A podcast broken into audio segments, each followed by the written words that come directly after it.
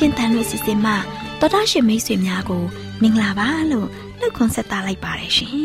တော်တာရှင်များရှင်ခရစ်နှစ်2022ခုနှစ်ဩဂတ်လ29ရက်မြန်မာတက္ကီ1384ခုနှစ်တော်သလင်းလာဆန်း4ရက်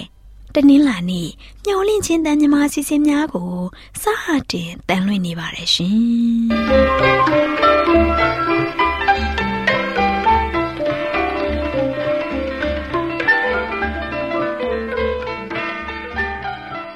တော်တာရှင်များခင်ဗျာမျောလင်းချင်းအတန်မြန်မာအစီအစဉ်ကိုနက်နက်6နာရီမိနစ်30မှ9နာရီအထိ16မီတာ kHz တစ်ခွန်ခွန်23ညညပိုင်း9နာရီမှ9နာရီမိနစ်30အထိ25မီတာ kHz 11943ညမှအတန်လွှင့်ပေးနေပါတယ်ခင်ဗျာ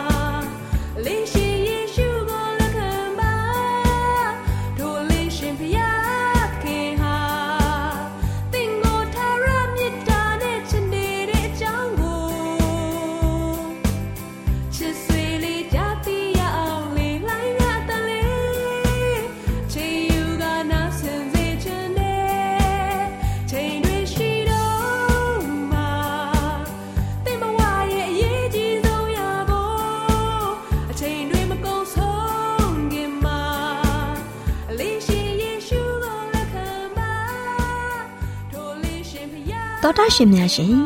နေ့စဉ်သက်တာခရစ်တော်၌တာအစီအစဉ်ကိုတိတ်ခါရောရစီဟာဥဆိုင်သာတွေးထံမှာမှတ်သားနိုင်ယူကြပါစို့လားရှင်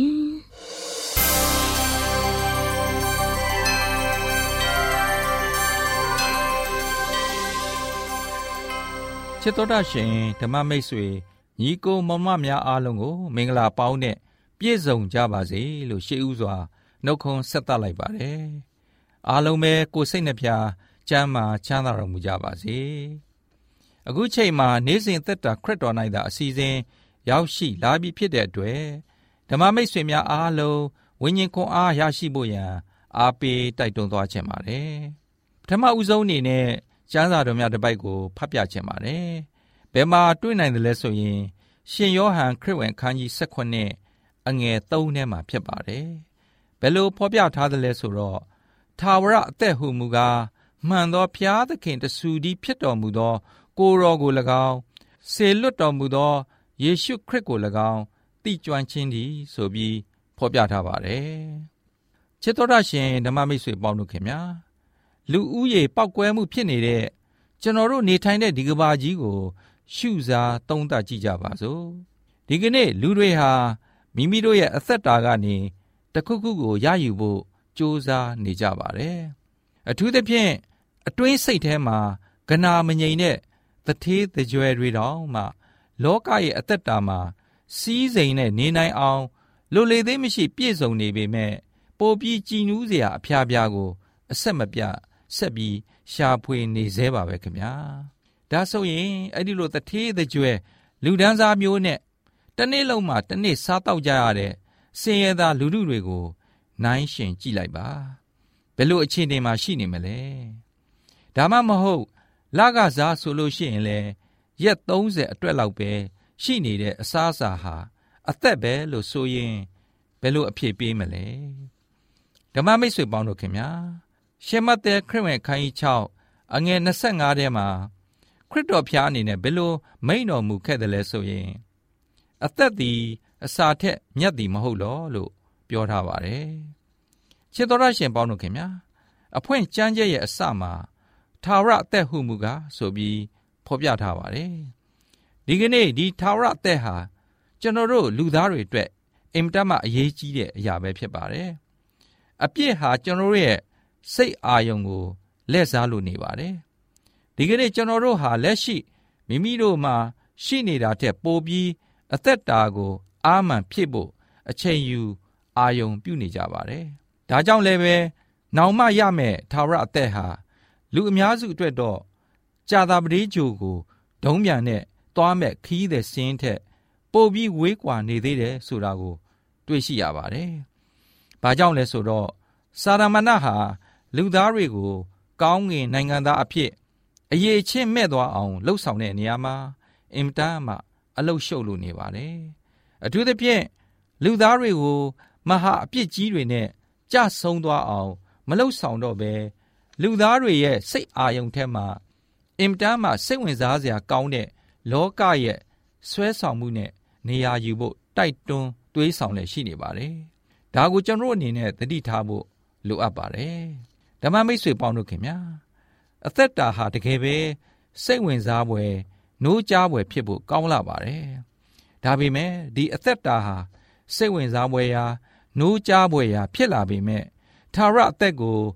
ဥမတီဘူးဆိုရင်တော့အကျိုးမဲ့ဖြစ်သွားပါလိမ့်မယ်။ဒါကြောင့်မိမိတို့ရဲ့အသက်တာမှာ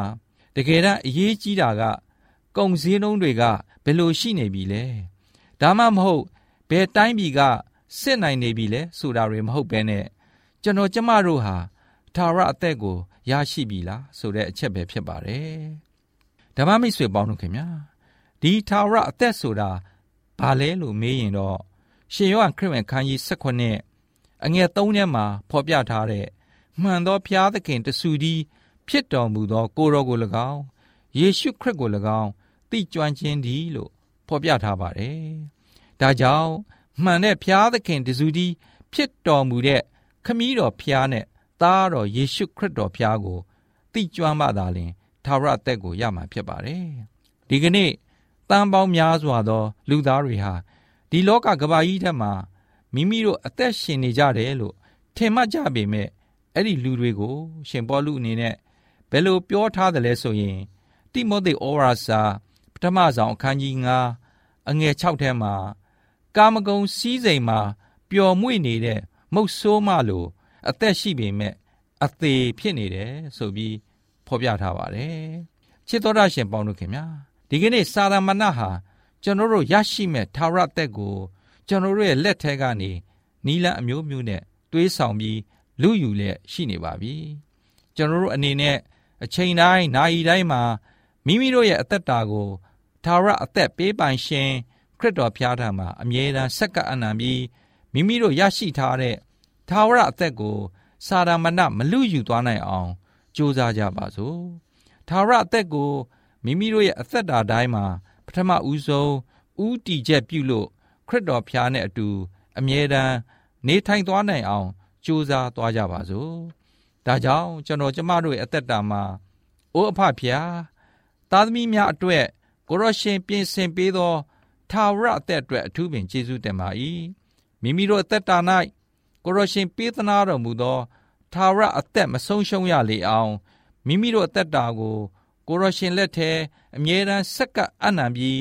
ကိုရရှင်အလိုတော်အတိုင်း အသက်ရှင်သောသူများဖြစ်ဖို့ရန်မားစတော်မူပါအာမင်ဆိုပြီးဆုတောင်းကြပါစို့ချစ်တော်တရှင်ဓမ္မမိတ်ဆွေညီကိုမောင်နှမတဦးစီပေါ်မှာဖျားရှင်ထံမှကောင်းကြီးမင်္ဂလာဖျားဖျားကြားရောက်ပြီးနေ့စဉ်အသက်တာမှာခရစ်တော်ဖျားကိုအားကိုးယုံကြည်ခြင်းအပြင်အောင်မြင်သူအရောက်တိုင်းဖြစ်နိုင်ကြပါစေ။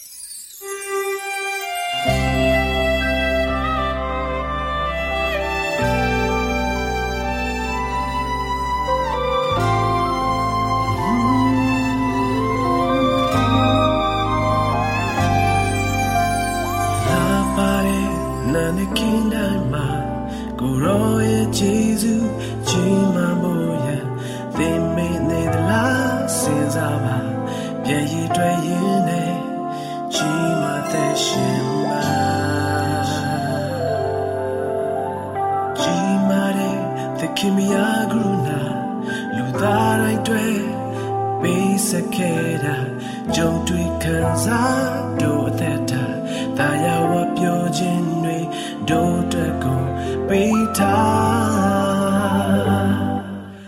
The kimi ya yi gao ji tui Ti su chi wan chui cho yin Ne ya dai tu le la pya pe lo ne Si ti nya ri tu ke di tui Be ka ma pyao le chi chi To know do dwe tu le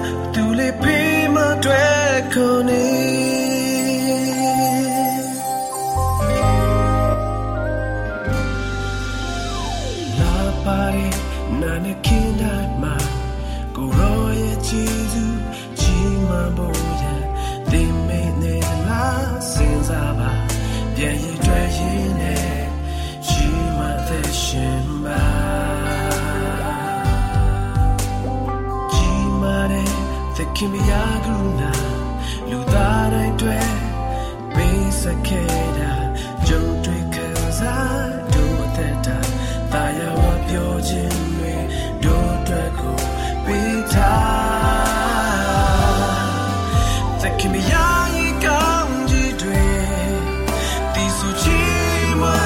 ကြွေချော်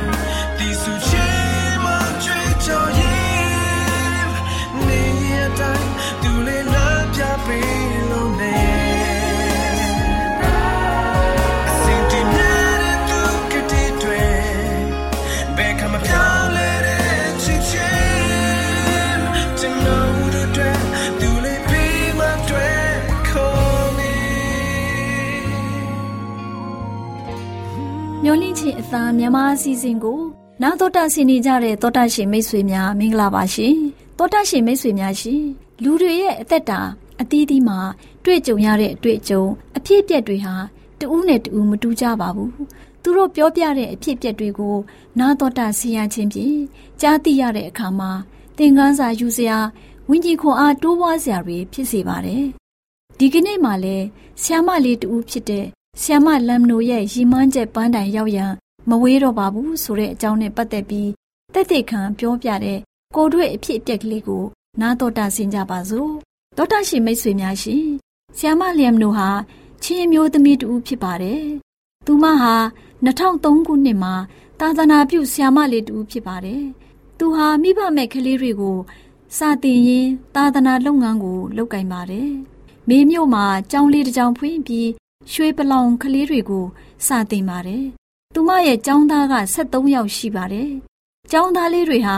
အရိုင်းပန်းလေးတွေဖြစ်တဲ့အတွက်စာတင်ရတာလေအင်မတန်မှခက်ခဲပါတယ်။ဆီယာမကချင်းလူမျိုးကလေးတွေကပလောင်လူမျိုးဆိုတော့တိတ်မလွယ်လာပါဘူးပေါ့။ဆီယာမအနေနဲ့စေတနာဝါသနာအနှစ်နာပါမကအကျဉ်းနာတရားပွားပြီးကလေးတွေကိုစာတင်ရင်ကလေးတွေကိုတန်ရောစီရှိသွားပါတယ်။ကျောင်းပိတ်တော့ကလေးတွေရဲ့ရရွာဒေတာအခြေအနေကိုသူမသိသိချင်တဲ့အတွက် 2004ခုနှစ်မှာ2004ခုနှစ်ဧပြီလမှာကလေးတွေရဲ့ရွာကိုသွားရောက်ခဲ့ပါတယ်။ရွာကကြောက်မဲရဲ့အထက်ဘက်မှာရှိတဲ့ကိုပေါင်ကျေးရွာဖြစ်ပါတယ်။ဆီယမလမ်နိုဟာပြည်ဦးတွေကနေပြီးကုံတင်ကားနဲ့ညနေ2နာရီလောက်မှာစတင်ထွက်ခဲ့တယ်။9နာရီရောက်တော့ရတနာသိင်္ဂီမိုင်းကိုရောက်ခဲ့တယ်။ပြီးတော့အထုပ်အပိုးတွေကိုထမ်းပြီးခြေကြီးနှစ်ရက်သွားရတယ်။ချက်သွားတဲ့ရွာတွေကပန်တပြေ နန့်ခွန်ရွာပန်မူးလေးပန်မူးကြီးနောက်ဆုံးတော့ကိုပေါင်ရွာကိုရောက်ခဲ့တယ်။အဲ့ဒီရွာဟာရွှေပလောင်ရွာဖြစ်တယ်။ရွာဟာရေရှားတယ်။တရွာလုံးမှာချောင်းတစ်ခုတည်းရှိတယ်။ရွာကအင်ဂျီတရာရှိတယ်။ရွာကအိမ်သာမရှိဘူး။ခွေးနွားမြင်းတွေကိုဒီအတိုင်းလွတ်ထားတယ်။အိမ်တွေကသက်ကယ်နဲ့မိုးထားတယ်။အခင်းကဝါးနဲ့ခင်းတယ်။သူတို့ရွာသားတွေရဲ့စားတဲ့အစားအစာကမြစ်ချင်နဲ့မုံညင်းဖြစ်တယ်။ အမျိုးသားမှန်သမျှဘိန်းရှူတယ်။အရက်တောက်တယ်။အမျိုးသမီးတွေကတော့လဲလုတ်တယ်။လက်ဖက်ခင်းမှာလက်ဖက်ခူးတယ်။ခလေးတွေကိုအလုတ်ထဲမှာခိုင်းတယ်။ပညာမပေးကြဘူးတဲ့။တတမနေ့အသင်းတော်ကထောက်ပံ့ပြီးခလေးတွေကိုကြောင်းထားပေးခဲ့တယ်။ဆ iam လျမ်နိုဟာကိုပေါင်ရွာမှခလေးအယောက်30ကိုခေါ်လာခဲ့တယ်။အပြန်မှာအခက်အခဲတွေ့ရတယ်။မိဘ9ယောက်ခလေးဝိုင်းထိန်ဖို့ခေါ်လာခဲ့တယ်။ အပြန်မှာမိုးရွာလို့ရေတွေကြီးတဲ့အတွက်ရေကူးပြီးပြန်လာကြရတယ်။စိတ်ဖူရွာဖြစ်တဲ့ရှမ်းရွာမှာတညအိတ်ကြရတယ်။ဆက်လက်ပြီးခရီးထွက်လာခဲ့ကြပြီးအိုမခါရွာကိုရောက်တဲ့အခါမှာပြင်ဦးလွင်အထိဒိန်တောင်ကားနဲ့ပြန်လာကြရတယ်။ပြင်ဦးလွင်ရောက်တဲ့အခါမှာခလေးတယောက်ဆိုင်ကယ်တိုက်မိပြန်ရောခလေးကောင်းဒဏ်ရာရခဲ့တယ်။ဆေးကန်းပြတ်ပြီးမကြခင်မှာခလေးကောင်းဒဏ်ရာပျောက်သွားခဲ့ပါတယ်။ဆ iam လျမ်နုဟာ မေတ္တာစေတနာပြည့်ဝစွာနဲ့ရွှေပလောင်ကလေးတွေကိုသွားရောက်ခေါ်ပြီးပညာသင်ပေးခဲ့ပါတယ်။သူမရဲ့ရည်မှန်းချက်ကတော့ရွာမှာရှိတဲ့ကလေးတွေရဲ့အဆင့်အတန်းမြင့်မြင့်နေထိုင်တတ်ဖို့နဲ့ပညာတတ်ကလေးတွေဖြစ်ဖို့အထူးသဖြင့်ဝိညာဉ်ရေးကယ်ဆယ်ရေးအတွက်ဖြစ်ကြောင်းပြောပြခဲ့ပါတယ်။ဆ iam လမ်နိုရဲ့စ조사မှုကြောင့်ကလေးတွေဟာအသင်းတော်ရဲ့ထောက်ပံ့မှုကြောင့်ကောင်းကောင်းပညာသင်ကြားခဲ့ရပါတယ်။ဆ iam လေးအနေနဲ့စာတက်လာပြီးအတန်းတွေရလာတဲ့ကလေးတွေကို မြောင်းမြကျန်းစာကျောင်းကိုပို့ဖို့ရီမန်းထားပါတယ်။ဒါကြောင့်ဆ iam လေးရဲ့ရီမန်းချက်ပန်းတိုင်ရောက်ဖို့မဝေးတော့ပါဘူးလို့ပြောခဲ့ပါတယ်။တောတရှိမိတ်ဆွေတို့လည်းဆ iam လေးလမ်နိုရဲ့ကျောင်းသားတွေအပေါ်စေတနာထားမေတ္တာပွားပြီးသူမထားခဲ့တဲ့ရီမန်းချက်ကိုကြားနာသိရှိရပြီးတော့ဆင်းရဲတဲ့ကလေးတွေမိဘမဲ့ကလေးတွေကိုပညာပေးပြီးပုံမှန်မဆိုင်နိုင်ကြပါစေ။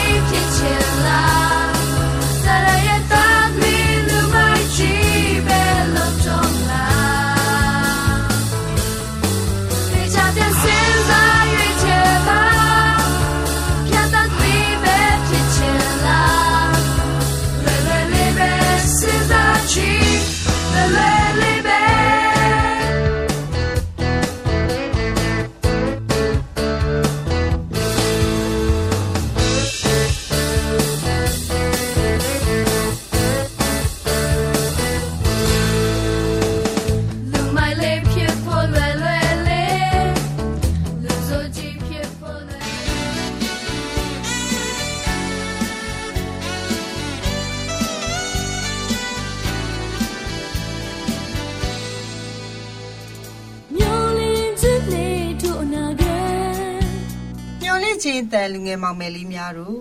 ကမ္ဘာကျော်ကြားပုဂ္ဂိုလ်များအစီအစဉ်မှာလေးစားတူယူပွဲကမ္ဘာစာဆိုကြီးများနဲ့အခြားပုဂ္ဂိုလ်ကျော်ကြီးများအကြောင်းကိုတင်ပြပေးသွားမှာဖြစ်ပါတယ်။ယနေ့လူငယ်မောင်မယ်လေးတို့အတွက်အတူယူပြီးဘဝခွန်အားဖြစ်စေမဲ့ပုဂ္ဂိုလ်ကြီးကတော့ဝီလီယံရှိတ်စပီးယားရဲ့အကြောင်းပဲဖြစ်ပါတယ်ကွယ်။လူငယ်မောင်မယ်လေးတို့ရေဝီလီယံရှိတ်စပီးယားဟာကမ္ဘာအကျော်ကြားဆုံးစာရေးဆရာပြဆက်ဆရာကြီးတစ်ယောက်ဖြစ်ပါတယ်။ သူရေးတဲ့စာရီထက်သူ့ရဲ့နာမည်ကပိုကြီးပြီးလူသိများတဲ့စာဆိုကြီးတွေထဲမှာရှိတ်စပီးယားဟာထိတ်ဆုံးမှာနေရာယူထားသူဖြစ်လို့ကမ္ဘာစာပေလောကမှာအလွန်ထူးခြားသူတစ်ယောက်လည်းဖြစ်ပါတယ်ကွယ်။ဒါပြင်မကသေးပါဘူးကွယ်။တမိုင်းဝင်ပြဆက်ရေးဆရာကြီးတစ်ယောက်လည်းဖြစ်ပါတယ်။လူငယ်မမယ်လေးတို့ရေသူရေးသမျှစာတွေကို မျက်မျက်နိုးနိုးဖတ်ရှုကြရုံမျှသာမဟုတ် ကိုးကားမိဉဏ်ရန်ပညာရှိစကားအဖြစ်လဲတလေးတစားမှတ်ယူလေ့လာကြရအောင် သူ့ရဲ့စာရီမှာတန်ဖိုးကြည့်လာပါတယ်ကွယ်လူငယ်မမယ်လေးတို့ရေဒါပေမဲ့ရှိတ်စပီးယားဆိုတာတကယ်မရှိဘူးတစုံတဦးရဲ့ကိုပွားတာဖြစ်တယ်လို့သူတေတီအချို့ကဆိုကြပါတယ်ဒါဆိုရင်ရှိတ်စပီးယားနာမည်ခံပြီးရေးတဲ့သူတွေဟာဘယ်သူတွေလဲသူတို့ကဘာလို့ရေးရတာလဲ သူ့ကိုရေးအထုပ်ပတ်တီကိုရေးတဲ့စာရေးဆရာသူတေတီကသူ့လောကမှာရှင်သန်နေထိုင်ရတဲ့တက်တန်းကို1564ခုနှစ်မှ1616နှစ်လို့ပြထားပါတယ်။အဲ့ဒီပုဂ္ဂိုလ်ဟာဘသူလဲစသည်ဖြင့်မေးကြမြင်းကြငင်းခုန်ကြတော့ပါပဲကွယ်။လူငယ်မမယ်လေးတို့ရေအများစုကတော့ရှိတ်စပီးယားရေးတဲ့ဆိုတဲ့စာရီဟာဆာဖရန်စစ်ဘေကွန်ဒါမှမဟုတ် အောက်စဖို့မြို့စာဒါမှမဟုတ်ခေတ်ပညာတတ်လူငယ်တချို့ရေးတာပါလို့ဆိုကြပါတယ်ကွယ်။တချို့ကလည်းရှိတ်စပီးယားဟာအင်္ဂလန်နိုင်ငံဝါဝစ်ရှာယာနယ်တခုသောမြစ်ကမ်းပါရှိဈေးမြို့ကလေးမှာမွေးဖွားခဲ့တယ်။သူ့မွေးတက်ကလေးဟာ1564ခုဧပြီလ23ရက်ဖြစ်တဲ့စာသည်ဖြင့်အတိအကျပြောကြပါတယ်ကွယ်။လူငယ်မမယ်လေးတို့ရေရှိတ်စပီးယားဟာ သူတို့မျိုးကတရားကျောင်းမှာပညာစသင်ပါတယ်။အဲ့ဒီကျောင်းကထွက်တဲ့အခါဘာတွေလုပ်တယ်ဆိုတာမသေးကွယ်မထင်ရှားပေမဲ့သူ့အရွယ်16နှစ်မှာအန်နီဆိုတဲ့မိန်းကလေးနဲ့လက်ထပ်တယ်ဆိုတာသိရပါတယ်။ဆူဇန်နာဆိုတဲ့သမီးကြောင်နဲ့ဟန်နက်နဲ့ဂျူဒစ်ဆိုတဲ့အမွာဘူးနှစ်ယောက်လည်းရှိပါတယ်။လူငယ်မမယ်လေးတို့ကြီးအဲ့ဒီနောက်ပိုင်းမှာတော့ပြားဆက်ရုံတစ်ခုမှာမြင်းကိုဆွဲယူထိန်းချောင်းတဲ့အလုပ်ကိုလုပ်ရင် သူဟာပြားဆက်တရုပ်ဆောင်နဲ့ပြားဆက်ဆရာဘွားကိုရောက်လာတယ်လို့ဆိုကြပါတယ်ကွယ်။သူရေးတဲ့ပြားဆက်တွေဟာပေါ့ပါတွက်လက်ပြီးကြည်နုနှစ်သက်ဖွဲရတများနဲ့ထုံမိုးနေတာကြောင့်လူကြိုက်များပြီးတော့နာမည်ကျော်လာပါတယ်ကွယ်။လူငယ်မောင်မယ်လေးတို့ရေသူဟာပြားဆက်သုံးခုကိုရေးပြီးပြားဆက်ယုံမှာကပြပြီးတဲ့အချိန်ကစလို့ရှိတ်စပီးယားဟာပြားဆက်လောကရဲ့ထိပ်ပိုင်းနေရာသို့ရောက်ခဲ့ပါတယ်။ အချိန်ကာလအားဖြင့်1600ပြည့်နှစ်သူ့ရဲ့အသက်36နှစ်အရွယ်မှာဖြစ်ပါတယ်ကွယ်။လူငယ်မောင်မယ်လေးတို့ရေရှိတ်စပီးယားဟာကျွယ်ဝချမ်းသာလာခဲ့ပါတယ်။သူ့ရဲ့မြို့တနေရာမှာအိမ်ကြီးတစ်လုံးကိုဝယ်ယူပြီးတော့နေထိုင်ခဲ့ပါတယ်ကွယ်။ဒီလိုနဲ့6နှစ်လောက်ကြာတဲ့အခါမှာတော့သူ့ကွယ်လွန်ခဲ့ပါတယ်။လူငယ်မောင်မယ်လေးတို့ရေရှိတ်စပီးယားရဲ့ရုပ်ကလပ်ကို စန်ထရယ်ဖို့မြို့ရဲ့ဖះချောင်းဝန်းထဲမှာမြုပ်နှံထားတယ်လို့ဆိုပါတယ်ကွယ်လူငယ်မောင်မယ်လေးတို့ရေကမ္ဘာထိပ်တန်းရောက်ပုဂ္ဂိုလ်ကျော်ကြီးတွေဟာစည်ရေးကြီးရဲ့တန်းကိုကြံ့ကြံ့ခံရင်ဆိုင်နိုင်ကြပါတယ်မိမိလူရပန်းနိုင်စီတို့မလျှော့သောဇွဲတက်တီနဲ့အရောက်တက်လန်းနိုင်ကြပါတယ်သူတို့ရဲ့ဘဝမှာစိတ်တကြတာအလျှော့ပေးတာတွေလည်းမရှိပါဘူး ဘလို့အခွင့်အရေးကိုမှရယူလိုခြင်းမှုမရှိသလိုမက်မောမှုလည်းမရှိကြပါဘူးကွယ်မိမိတို့ကြောင့်လူတကာအကျိုးရှိရမယ်လူလောကကြီးတာယာလှပလာမယ်ဆိုရင်အတိုင်းမသိဝမ်းမြောက်ဂုဏ်ယူတတ်ကြပါတယ်အဲ့ဒါကြောင့်လဲမိမိတို့ရဲ့ဘဝအောင်မြင်ရေးတက်လန်းကိုရှာဖွေနေကြတဲ့လူငယ်မောင်မယ်လေးတို့အနေဖြင့်လဲမိမိလူမျိုး မိမိနိုင်ငံအကျိုးကို အောင်မြင်စွာတည်ဖို့ရွတ်ဆောင်နိုင်ဖို့ရန်အတွက်ဖော်ပြခဲ့တဲ့ပုံကိုယ်ကြီးတွေကိုအတူယူပြီးတော့လိုရပန်းနိုင်ကို အောင်မြင်စွာစကူးနိုင်ကြပါစေကွယ်လူငယ်မောင်မယ်လေးတို့ရေယနေ့ကြားသိရတဲ့ကမ္ဘာကျော်ကြားပုဂ္ဂိုလ်ကြီးကတော့ကမ္ဘာကျော်ကြားဆုံးစာရေးဆရာပြန်ဆက်ဆရာကြီးတူဦးဖြစ်တဲ့ဝီလျံရှိတ်စပီယာရဲ့အကြောင်းပဲဖြစ်ပါတယ်ကွယ်။မျော်လင့်ခြင်းတန်တော်တာရှင်များရှင်။ ကမ္ဘာကျော်ကြားပုဂ္ဂိုလ်များအစီအစဉ်မှာလေးစားတူယူပွဲကမ္ဘာစားဆိုကြီးများနဲ့အခြားပုဂ္ဂိုလ်ကျော်ကြီးများစာအုပ်မှာစာရေးသူဆရာကြီးဦးဝံချိန်ရေးသားထားတဲ့ဝီလျံရှိတ်စပီယာရဲ့အကြောင်းကိုကောက်နှုတ်တင်ဆက်ပေးခဲ့ခြင်းပဲဖြစ်ပါတယ်ရှင်။ကျေးဇူးတင်ပါတယ်ရှင်။ဘုဒ္ဓရှင်များရှင်ကျမတို့ရဲ့ဗျာဒိတ်တော်စာပေးစာယူသင်တန်းဌာနမှာ အောက်ပါသင်တန်းများကိုပို့ချပေးလျက်ရှိပါတယ်ရှင်။သင်တန်းများမှာ စိတ်ဓာတ်ဒုက္ခရှာဖွေခြင်းခရစ်တော်၏အသက်တာနှင့်တုန်တင်ချက်များတဘာဝတရားဤဆရာဝန်ရှိပါကျမ်းမာခြင်းနဲ့အသက်ရှည်ခြင်းသင်နဲ့တင့်ကြမာရေးရှားဖွေတွေ့ရှိခြင်းလမ်းညွန်သင်ခန်းစာများဖြစ်ပါရဲ့ရှင်။သင်တန်းအလုံးဟာအခမဲ့သင်တန်းတွေဖြစ်ပါတယ်။ဖြစ်ဆိုပြီးတဲ့သူတိုင်းကိုဂုံပြုလွှာချီးမြှင့်ပေးမှာဖြစ်ပါရဲ့ရှင်။တော်တာရှင်များခင်ဗျာဓာတိတော်အတန်းစာပေးစာယူဌာနကိုဆက်သွယ်ခြင်းနဲ့ဆိုရင်တော့ဆက်သွယ်ရမယ့်ဖုန်းနံပါတ်ကတော့39 656 296 336နဲ့39 98 316 694ကိုဆက်သွင်းနိုင်ပါတယ်။ဓာတ်တော်အတန်းစာပေးစာဥထာဏာကိုအီးမေးလ်နဲ့ဆက်သွယ်ခြင်းနဲ့ဆိုရင်တော့ l a l r a w n g b a w l a @gmail.com ကိုဆက်သွင်းနိုင်ပါတယ်။ဓာတ်တော်အတန်းစာပေးစာဥထာဏာကို Facebook နဲ့ဆက်သွယ်ခြင်းနဲ့ဆိုရင်တော့ s o e s a n d a r Facebook အကောင့်မှာဆက်သွင်းနိုင်ပါတယ်။ AWR မျော်လင့်ခြင်းအတန်ကိုအားပေးနေတယ်တော်တာရှင်များရှင် မျော်လင့်ခြင်းအတန်မှာအကြောင်းအရာတွေကိုပုံမသိရှိပြီးဖုန်းနဲ့ဆက်သွယ်လိုပါက39 2939 3926ခွန်45နောက်ထပ်ဖုန်းတစ်လုံးအနေနဲ့39 688 464 48ခွန်ကိုဆက်သွယ်နိုင်ပါတယ်ရှင် AWR မျော်လင့်ခြင်းအတန်ကို Facebook နဲ့ဆက်သွယ်ခြင်းနဲ့ဆိုရင်တော့ AWR ရန်ကုန် Facebook Page မှာဆက်သွယ်နိုင်ပါတယ်ခင်ဗျာအင်တာနက်ကနေမျော်လင့်ခြင်းအတန်ရေဒီယိုအစီအစဉ်တွေကိုနားထောင်ခြင်းနဲ့ဆိုရင်တော့ website လိပ်စာကတော့ www.awr.org ဖြစ်ပါတယ်ခင်ဗျာတော်တာရှင်များရှင် KSTA အာကခွန်ကျွန်းမှာ AWR မျိုးလင့်ချင်းအတံမြန်မာအစီအစဉ်များကိုအတံလွှင့်ခဲ့ခြင်းဖြစ်ပါတယ်ရှင် AWR မျိုးလင့်ချင်းအတံကိုနာတော်တာဆင် gay ကြတော့တောတာရှင်အရောက်တိုင်းပေါ်မှာဖျားသခင်ရဲ့ကြွယ်ဝစွာသောကောင်းကြီးမင်္ဂလာတက်ရောက်ပါစေ။ကိုစိတ်နှဖျားကျမ်းမာရွှင်လန်းကြပါစေကျေးဇူးတင်ပါတယ်ခင်ဗျာ